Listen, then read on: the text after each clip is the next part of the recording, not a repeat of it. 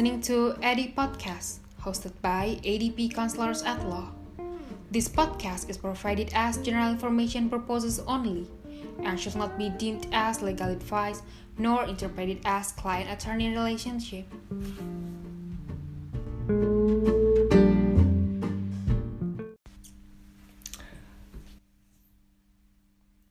Halo again, balik lagi bersama Edi Podcast. Kali ini eh, sama saya Arif Sabta Aji, salah satu lawyer di ADP Counselors at Law. Dan kali ini saya udah bareng sama teman-teman saya nih. Wih, halo. Siapa emang temenan ya? Kita temenan gak sih? Apa cuma ini kolega kolega? Waduh. Waduh. Silakan diperkenalkan dirinya masing-masing untuk yang paling senior dulu. Wes, nggak senior lah, lebih tua kali ya. Nama saya Panji Satria Utama, saya juga salah satu lawyers di ADP Counselors at Law. Ada teman saya selanjutnya, Nah ini yang paling muda sekarang. ya Waduh. yang paling muda ya. Paling muda tapi paling eh, berpengalaman di sini. Waduh. jauh. Izin senior senior. Aduh. hello Edi Pips, nama saya Hanif. Saya associate di ADP Counselors at Law. Nah, untuk kalian para pendengar di podcast mungkin udah ada yang familiar ya sama nama Hanif. Waduh. Sama suara saya juga mungkin. Nah, mungkin, su- mungkin udah familiar sama suaranya Mas Hanif. Em, jadi Mas Hanif ini eh, adalah salah satu pengisi di dua episode. Satu. Episode Oh, satu doang. satu episode. Iya. Oke, maksud saya di dua episode sebelumnya salah satunya Iya, betul. Ah. diisi oleh Mas Hanif ini. Betul, nah, betul. waktu itu sama siapa Mas? Sama ada associates juga dulu Anak sama Mas Maruli. Sama ya. Mas Maruli ya. Oh iya sama Mas Maruli. Nah, sekarang nih Mas Hanif eh, gabung nih sama kita di sini untuk jelasin ke Edi Pips semuanya eh, kenapa kita udah lama nih nggak ngeluarin episode baru Yes, di Edi bro. Podcast. Jadi mungkin kita bisa minta sedikit klarifikasi dari Mas Hanif nih. Gimana Oke, Mas. Hanif? Jadi Klarifikasi. Oh, klarifikasi. Apa ya? Bukan klarifikasi apa ya? Penjelasan. Penjelasan. Oke, eh, untuk Edi Pips, halo, salam kangen. Mungkin pada kangen kan dengerin, wah ini Waduh. podcast mana nih kok eh, sepi-sepi gitu, Ah, nunggu-nunggu. ah, ya. ya, iya. Nah tapi tapi sebelumnya ini eh, intermezzo sih mas. Iya. Jadi pas eh, saya mau apply ke Ah. ADP Counselors at Law ini, Ah. salah satu pertimbangan saya adalah karena ada Adi podcast ini. Mantap. Ternyata di Spotify ketika saya cari kan saya suka iseng tuh kan Ah. podcast podcast Ah, hukum. iya. Ada tuh ADP Counselors at Law. Ada. ini Salah satunya pengisinya Mas Hanif kan. Saya wondering gitu Ah, oke. suara yang saya dengar gitu. Seperti Ini- apakah orangnya gitu. berarti salah satu Edi Pips akhirnya jadi Oh. associate di satu Boleh, boleh, boleh. Oh iya iya iya benar benar benar. Mungkin pas interviewnya bukan tentang low knowledge sekali ya, mungkin lebih kayak tes suara. ya. Waduh. Buat isi di Oh. ini podcastnya. Oh, gitu dari penyiar ya. Waktu itu penyiar sih saya apply-nya. Waduh. Oh, An- anchor ya, anchor. ya. Bukan layar. Jadi gimana Mas? Nih eh, buat Edi Pips, Edi Pips nih ya. Oke. Eh, mungkin yang bisa saya sampaikan adalah kurang lebih ya yang podcast episode sebelumnya yang Mas Aji dengar. Heeh. Mungkin Mas Panji juga sempat dengar di Spotify yang dua episode sebelumnya itu lebih kita masih trial sih. Oke. Karena ya kita baru coba juga gak bagaimana sih cara bikin podcast, masih ya pilot lah bisa dibilang pilot dan dari situ kita belajar banyak, ada evaluasi juga dan makanya nih sekarang kita coba nih dengan evaluasi yang sebelumnya kita mau buat podcast lanjutan ya kurang Oke. lebih Hmm, oke. kemarin udah pilotnya nih kita akan buat lagi mungkin dengan persiapan yang lebih matang dengan eh, lebih proper lah kurang lebih kurang seperti itu Oke. ya mudah-mudahan ini bisa panjang lah kita seru-seruan ya Insya Allah, Betul, betul, insya Allah betul. Karena karena gini juga sih pas saya tahu Edi Edi ADP itu ADP Counselor at Law itu punya Edi podcast itu bener-bener apa ya ngasih nilai lebih sih ngasih nilai lebih karena nggak banyak itu law firm yang concern untuk ngebagi sharing ilmunya melalui eh, media-media seperti ini Oke. gitu. ah. Nah, mungkin juga kita mau nge-refresh juga sih, mau nge-refresh juga eh, buat EDP semua yang mungkin dari tadi belum tahu EDP Counselors at Law itu apa. Jadi mungkin Mas Panji bisa tolong dielaborasi. As- Waduh, dielaborasi. Elaborasi. Apa itu EDP ADP Counselors at Law? Oke, uh, ADP Counselors at Law itu adalah boutique law firm yang beralamat di Jakarta. Uh, alamat pastinya sih di Plaza Simatupang, Jalan TV Simatupang ada di lantai 6 ya. Uh, ekspertasi kita itu di bidang commercial litigation. Oke. Kita merambah PKPU dan kepilotan juga ada uh, corp- eh, general corporate-nya juga sih gitu. Uh, such as kayak uh, review kontrak, addendum, amendment atau bahkan drafting kontraknya sendiri sih yang yang di request oleh klien gitu sih. Untuk general litigation sendiri ada ya mas? General litigation Kayak misalkan pi- perdata, pidana. Oh iya, udah ada sih pasti karena Itu kan pasti ya? pasti commercial litigation kan lebih banyak transaksi bi- bisnis dan itu bisa perdata atau pidana atau bahkan niaga gitu kan. Siap, siap, siap, siap. Nah, jadi itu Edi Pips buat kalian semua. Jadi Edi Podcast ini adalah gagasan dari para lawyer di AD- ADP Counselors at Law Yep. Yes. yang berangkat dari eh, keinginan kita untuk sharing, untuk sharing knowledge juga untuk belajar lebih banyak sih, untuk Ah, belajar lebih banyak gitu, untuk belajar lebih banyak dan yang terpenting adalah untuk membahas isu-isu eh, dari perspektif hukum, isu-isu terkini dari perspektif hukum gitu. Dan eh, itu sih. Jadi untuk nah ngomongin tentang isu tadi tentang isu-isu yang lagi yang apa isu-isu terkini gitu. Ada banget nih yang lagi hangat. Waduh, lagi hangat. Wih. Fresh from the oven udah lagi jadi omongan mungkin hampir semua orang yang memang apa ya familiar sama dunia ini. Enggak juga sih mas. Semua orang ngomongin kayaknya. Kayak- nih. Semua orang, Iya. bahkan yang nggak familiar gitu. Seluruh dunia kali ya? Seluruh dunia ya. Iya mungkin ya. Oke, mungkin Adi Pips juga udah sempat dengar atau udah udah mempelajari juga isunya em, Aha. tentang eh, Mas Gozali. Mas Oh, Gozali. Mas Gozali. Mas Gozali. Mas Gozali yang tiba-tiba menjadi fenomenon. Yes, menjadi suatu siap. Menjadi suatu fenomena di dunia maya karena eh, beliau eh, berhasil menjual eh, foto-foto selfie-nya Ah, ah. dari beberapa tahun ke belakang Ah, ah. di eh, media eh, melalui media NFT, NFT Ah, ah, ah. di platform NFT yang eh, bernama OpenSea Oke. dan di situ dia berhasil menjual eh, foto-foto selfie itu Foto-foto yang selfie. sudah dijadikan NFT Ah. itu hampir nilainya kalau misalnya dikonversikan ke rupiah itu fantastis sekali Miliaran. miliaran ya Wow. belasan miliar ya Iya. maksudnya. Wow. belasan miliar Mungkin bah- lebih ya, mungkin lebih. Lebih Nah, bisa mungkin- jadi. mungkin lebih ya dan itu sih maksudnya nggak nggak nggak ada yang nyangka gitu maksudnya Ah. foto selfie terus juga apa maksudnya dari orang yang mungkin bukan public figure eh, bukan bukan siapa-siapa gitu Ah. tadinya hanya seorang ya mungkin ya eh, orang Pegiat. biasa lah Ya, gitu ya. pegiat pegiat pegiat NFT. NFT atau media sosial gitu dia terus dia dengan persistensinya akhirnya bisa menghasilkan uang yang fantastis gitu miliaran rupiah nah itu yang Wow. akan kita bahas sekarang nih Mungkin lebih ke iseng-iseng berhadiah kali ya? Nah itu dia mas kan kita nggak ada yang nyangka ya tadinya foto-foto selfie gitu. Siapa yang nyangka maksudnya ya sebenarnya mungkin dari kita juga banyak kali ya Iya, foto-foto iya. selfie sendiri kan nggak nggak kepikiran gitu. Iya nggak kepikiran untuk eh, membuat itu menjadi suatu apa ya eh, sumber penghasilan gitu. Bisa jadi, ya ya ya. Ya secara nggak langsung eh, saya juga salut banget sih sama persistennya Yes. Mas Gozali ini. Yes. Ya mungkin dari kita melihatnya selfie hanya sebuah selfie gitu, tapi dia Ah. bisa melihat peluang itu Yes. sebagai salah satu kreator NFT. Ya, ya. Dan ya mungkin dia udah selfie dari tahun 2017 kalau nggak salah udah beberapa Yes. tahun ke belakang. Wow. Dia baru menuainya sekarang. Ya. Ketika tiba-tiba booming, banyak yang beli NFT-nya dan Ya. profit mungkin hingga miliaran rupiah mungkin ya. Yes. Itu kalau nggak salah eh, untuk transaksi NFT-nya sendiri menggunakan Ethereum ya. Yes. namanya Ethereum. Ethereum. Ya, Ethereum. Ethereum. itu sejenis currency yang digunakan di uh, platform NFT. Platform NFT. Uh, OpenSea itu pakai Ethereum, macam-macam Oh, sih oke. ada ada sandbox juga sih. Ah. Ini cryptocurrencies lah. Oke, Ah. oke. Oh, Jadi satu satu bagian ya dari cryptocurrency ya. Uh, itu adalah salah satu cryptocurrencies. Oh, oh. Oke oke. Oke, mungkin bisa dijelasin lebih dalam nggak sih Mas Hanif kalau misalkan NFT itu sebetulnya legalitasnya tuh gimana sih di Indonesia? Oke. Uh, kalau kita bahas NFT di Indonesia ya, Mhm. sebenarnya sampai dengan saat ini, sampai dengan saat ini tidak ada peraturan yang secara spesifik mengatur tentang NFT. Iya.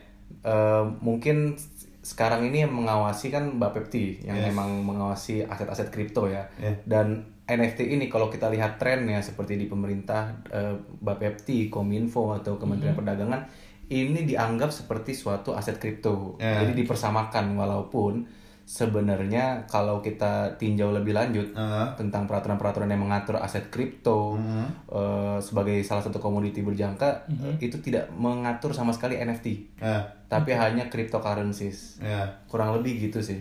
Jadi saat ini bisa dibilang tidak ada peraturan yang secara spesifik mengatur bagaimana NFT itu mungkin bisa diperdagangkan atau bagaimana cara pembuatan, bagaimana cara penyebaran dan hal-hal apa saja yang bisa dijadikan atau legal lah di Indonesia untuk dijadikan NFT kurang lebih kayak gitu. Oke, ini berarti bahkan di mata hukum sendiri pun eh, ini eh, jadi suatu hal yang baru ya. Jadi Yes. suatu hal yang baru dan sehingga memang belum ada regulasinya. Ya. Seperti mungkin kita pernah atau sering dengar gitu sebagai eh, masyarakat hukum ya bahwa memang fenomena di masyarakat kejadian suatu peristiwa hukum itu mendahului peraturan-peraturan hukum gitu. Iya, dan itu eh, Dan ini relate bis- banget yes. Dan kalau bisa dibilang ini bukan cuma Indonesia yang mengalami. Hmm. Iya. Kayaknya hampir mayoritas seluruh negara di dunia memang Belum ada yang ngatur ya. ya betul secara yang namanya kita membuat suatu hukum itu kan nggak nggak sebentar ya. Betul. Nggak sebentar, ada proses dan lain-lain. Sementara kalau kita bisa lihat perkembangan teknologi itu cepet banget sih, Mas. Yes, yes.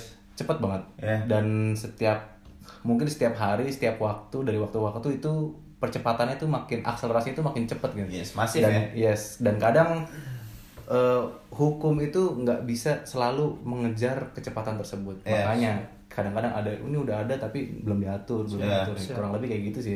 Kalau dari Mas Panji sendiri, menurut Mas Panji fenomena seperti ini eh, dari perspektif hukum Heeh. itu harus dipandang seperti apa, Mas? Eh, kalau eh, mengutip yang tadi Mas Hanif bilang itu kan sebenarnya kayak aset cryptocurrencies ya. Iya. Artinya kan kalau aset cryptocurrencies kan berarti sifatnya digital gitu. Digital itu eh, berarti kan yang diperdagangkan misalnya bisa eh, gambar atau lukisan atau suara lagu lah kita sebutnya.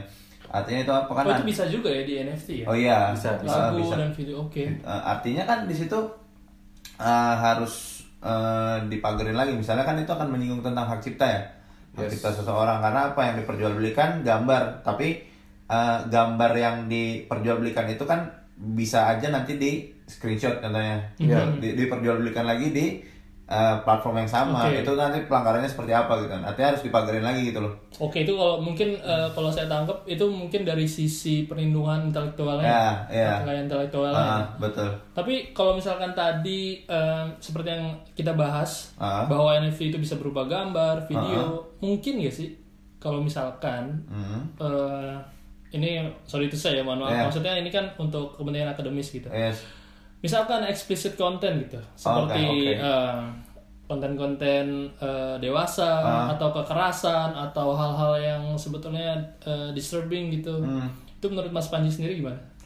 Kalau eh, menurut saya ya, karena tadi NFT belum ada yang ngatur, eh, artinya emang perlu pakem gitu loh. Jadi emang selain emang apa tadi tentang ta- tata cara transaksinya seperti apa, perlindungan bagi para eh, produsennya seperti apa. Terus yang kedua kan emang, eh yang ketiga kan emang benar-benar nggak boleh nih, nggak boleh diperjualbelikan si konten-konten yang mungkin bahasa kita itu tidak termasuk dalam eh kaos yang halal gitu loh untuk diperjualbelikan.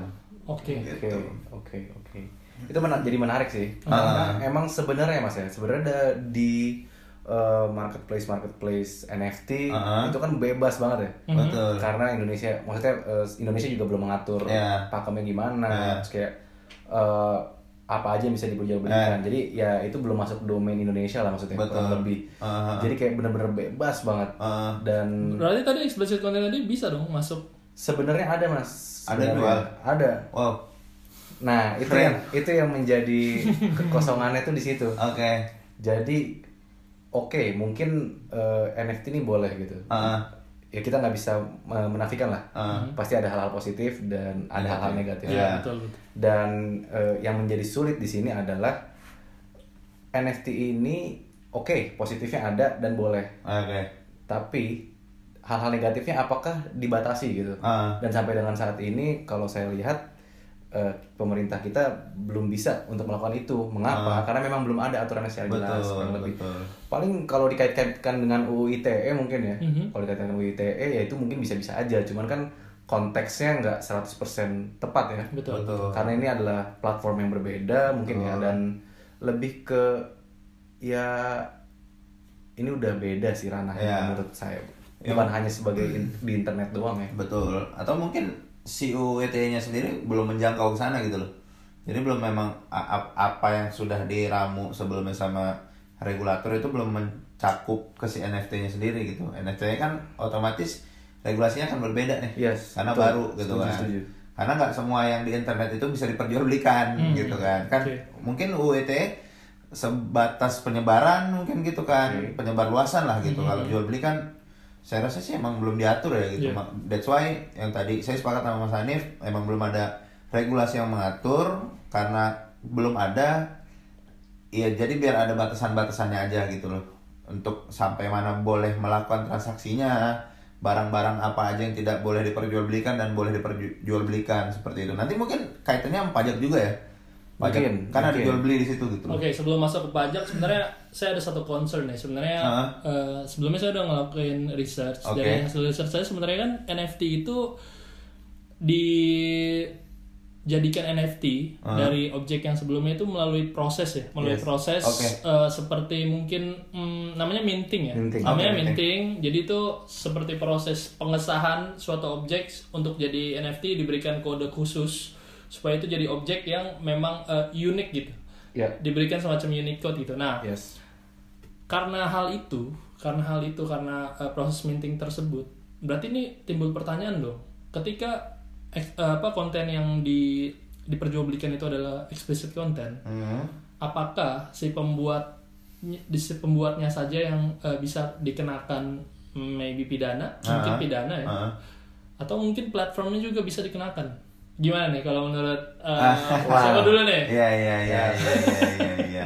Iya. Kalau mungkin saya coba coba jawab ya ini Siap siap. berdasarkan penalaran dan penafsiran saya aja. Siap, siap, Karena belum ada yang mengatur, saya nggak tahu mungkin apakah berlaku eh, mekanisme atau sistem kor- konkordansi ya di sini. Jadi Iya. belum belum ada yang mengatur, bisa dipakai eh, peraturan yang terkait gitu. Contohnya yang agak kena nyenggol gitu bisa Mhm. undang-undang ITE contohnya kan. Eh, jika ada yang menjual itu mungkin bisa bisa ya bisa kena itu di, di pasal itu terus jika ada penyebar luasannya bisa juga kalau ke PT-nya ditutup eh sorry ke NFT-nya ditutup marketplace marketplace marketplace-nya ditutup mungkin aturannya kan itu bukan marketplace buatan Indonesia mungkin agak sulit sih Nah, itu dia. karena dia ada di Oh, iya, luar itu menarik gitu. sih. Iya, iya itu itu, menarik. itu teknis sekali tapi ya. Iya, Ah, betul. benar benar benar benar kalau emang ya kalau mau dibilang eh, jalan jalan cepatnya Iya. singkatnya ya eh, kreator-kreator Indonesia atau eh, pelaku-pelaku usaha Indonesia ya buat marketplace sendiri Ya. yang bisa diatur Hmm. itu udah paling mudah kan betul jalan singkat betul Oke. kurang lebih gitu sih Dan itu dimungkinkan ya untuk membuat marketplace sendiri di Indonesia ya. Eh, menurut saya mungkin ya Ah. meli- melihat dari untuk eh, trading cryptocurrency sendiri juga Ah. udah banyak nih yang diakui Oh, oke. perusahaan-perusahaan yang diakui kayak Ah. aplikasi-aplikasi juga udah banyak kan untuk Wow. trading Yes, yes, bukan yes. tidak mungkin ada marketplace marketplace eh, NFT di Indonesia yang berkembang yang memang Ah. dikenal secara luas jadi ya Indonesia mungkin nanti difasilitasi juga pasti Ya. sama Bapepti sama Kominfo Yes. Eh, ya udah untuk biar melindungi kreator-kreator yang serius ya dan membatasi lah kreator-kreator yang memang menyalahgunakan ya jadi dalam satu platform yang sama ya mungkin kurang lebih kayak gitu sih Wow, wow, wow. ini menarik banget ya. Ya. Seru, Iya. Iya. ini berdalam. Nah, balik lagi tadi ke yang kita mau bahas adalah dari eh, sisi perpajakannya. Ah, ah, ah, ah. Dari sisi perpajakannya, sebagaimana yang mungkin kita tahu, Iya. Mas Gozali setelah beliau mendapatkan eh, profit yang luar biasa, yang dan jadi fenomena gitu, fenomena di masyarakat, Yep. di toel nih, Wah, Wih, di- toel. disen- dicolek, dicolek. disentuh. Apa, apa sih kalau di Facebook tuh dulu apa? mention mention Iya apa di tuh? mention, di mention. Di-mention, ya. Kalau di Twitter di mention ya.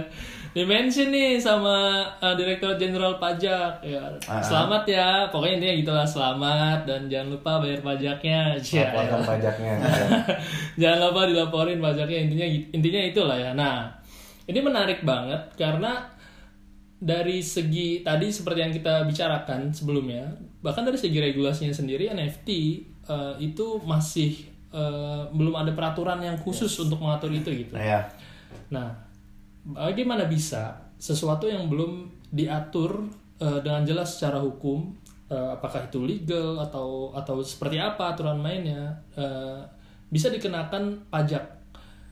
Apakah hal tersebut dimungkinkan gitu? Siapa dulu? Eh, Mas Hanif dulu mungkin. Ini seru ya. Menurut saya eh, kita harus lihat secara luas gitu. ya Mungkin eh, kalau asumsi saya, Aha. mengapa dia disentil? Heeh.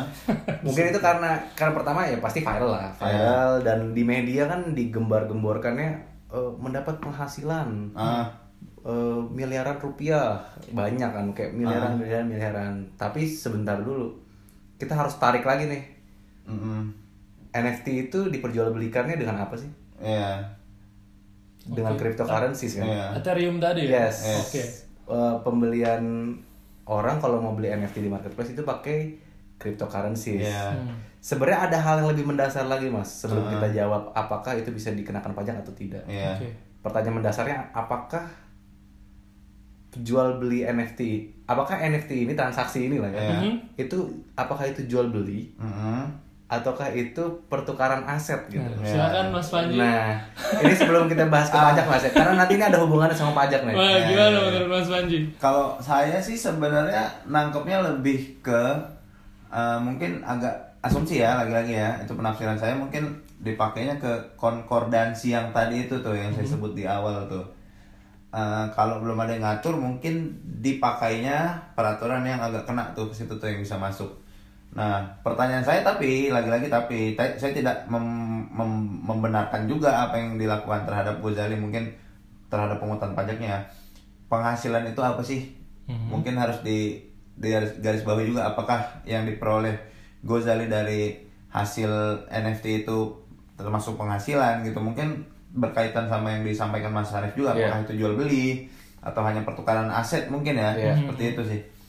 Jadi kalau menurut saya kalau kenapa bisa dimungut pajak mungkin yang tadi saya sebut itu menggunakan mekanisme konkordansi itu karena belum ada yang ngatur ya. Mhm. Jadi ya udah kenain pajak aja deh. Cuman lagi-lagi yang harus ditekankan eh, bahwa penghasilan itu apa gitu. Apakah penghas eh, sorry apakah yang dia peroleh dari NFT itu berupa pengha- merupakan penghasilan atau apa kan kita nggak tahu gitu. Hmm. Mungkin ada pertimbangan lain mungkin dari badan terkait gitu kan.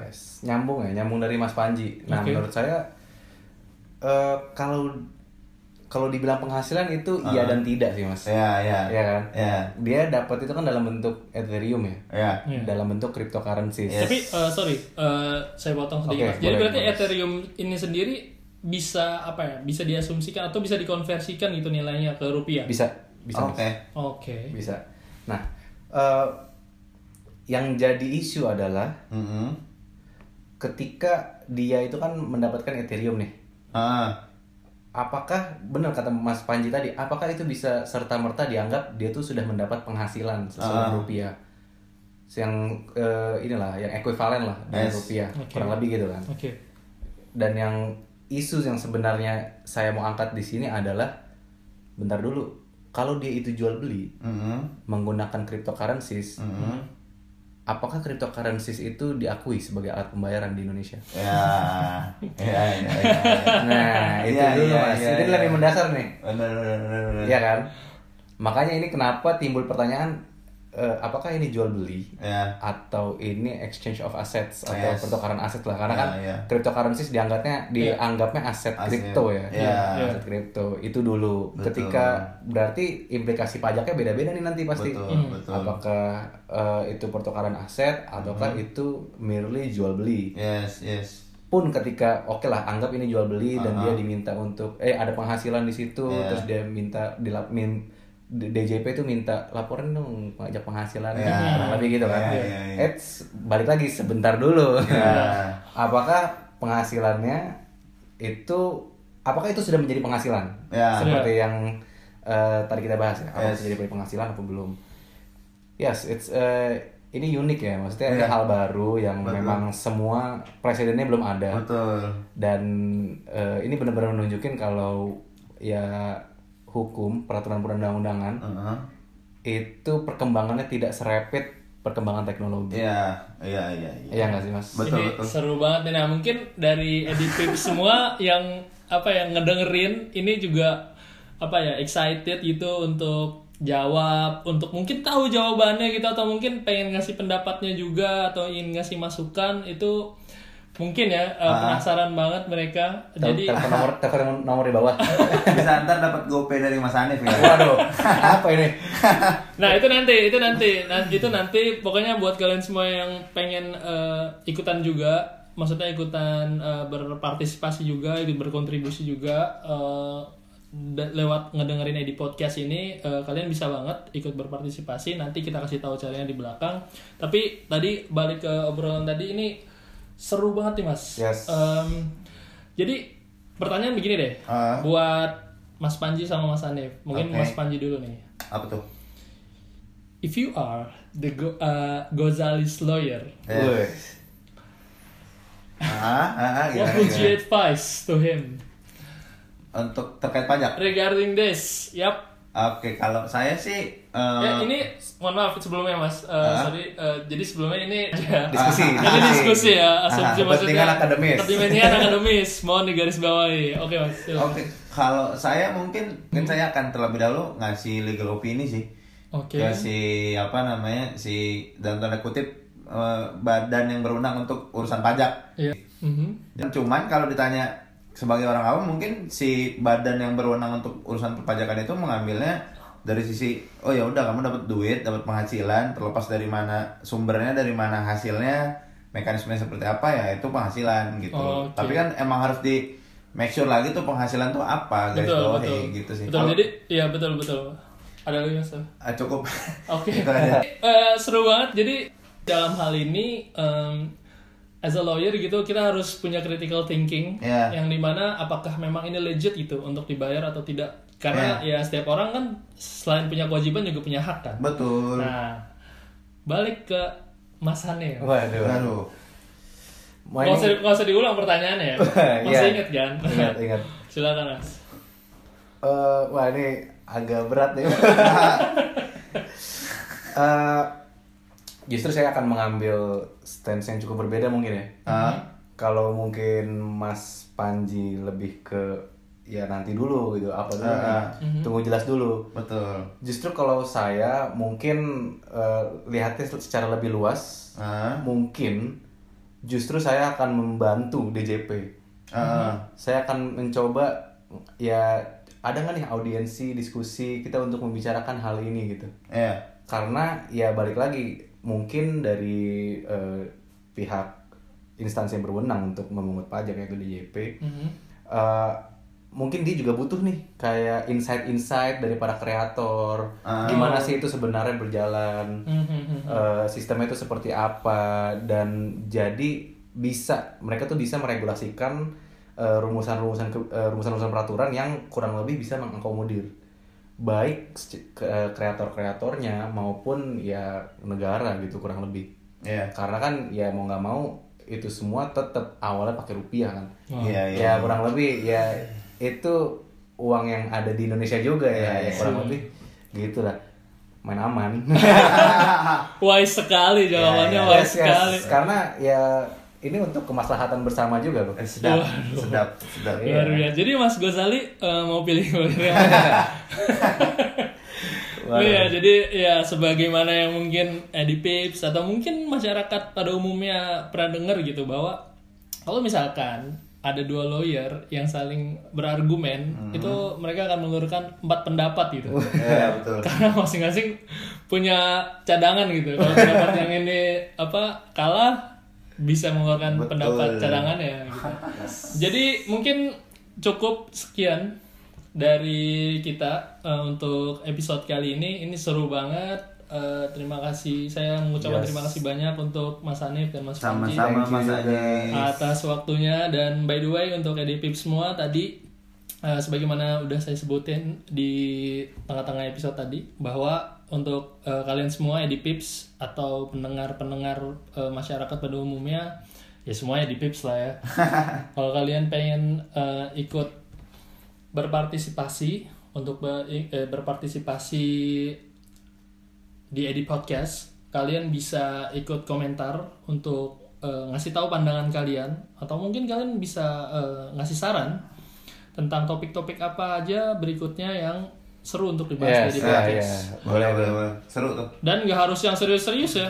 Bahkan yang ya nggak serius pun maksudnya yang yang Nyeleneh, nyeleneh. yang nyeleneh Nyeleneh. yang yang ya seru lah intinya seru Boleh, menurut boleh. kalian untuk dibahas itu bisa banget dan kita akan eh, kupas Heeh. sebisa kita untuk eh, ngasih tahu pandangan kita eh, tentunya dari perspektif hukum ya Yap. Ya. dari perspektif dari perspektif hukum dan kalian bisa komen itu semua di Instagram kita di mana mas At Eddie Pillows. Yes. ada di Pillows Yes. ada di Pillows jangan lupa untuk Instagramnya di follow dan ikut eh, like dan komen karena kita akan share eh, jadwal kapan edit podcast start eh, di apa di airing waduh Siap. airing disiarkan lah intinya Disiarkan. disiarkan apa ya di upload Upload. di upload Ya. di Spotify atau mungkin eh, nanti eh, ke depan mungkin di media-media lain juga ya dan Ya. kita juga punya eh, LinkedIn LinkedIn. itu akan kita post di situ juga linkinnya di mana Mas Panji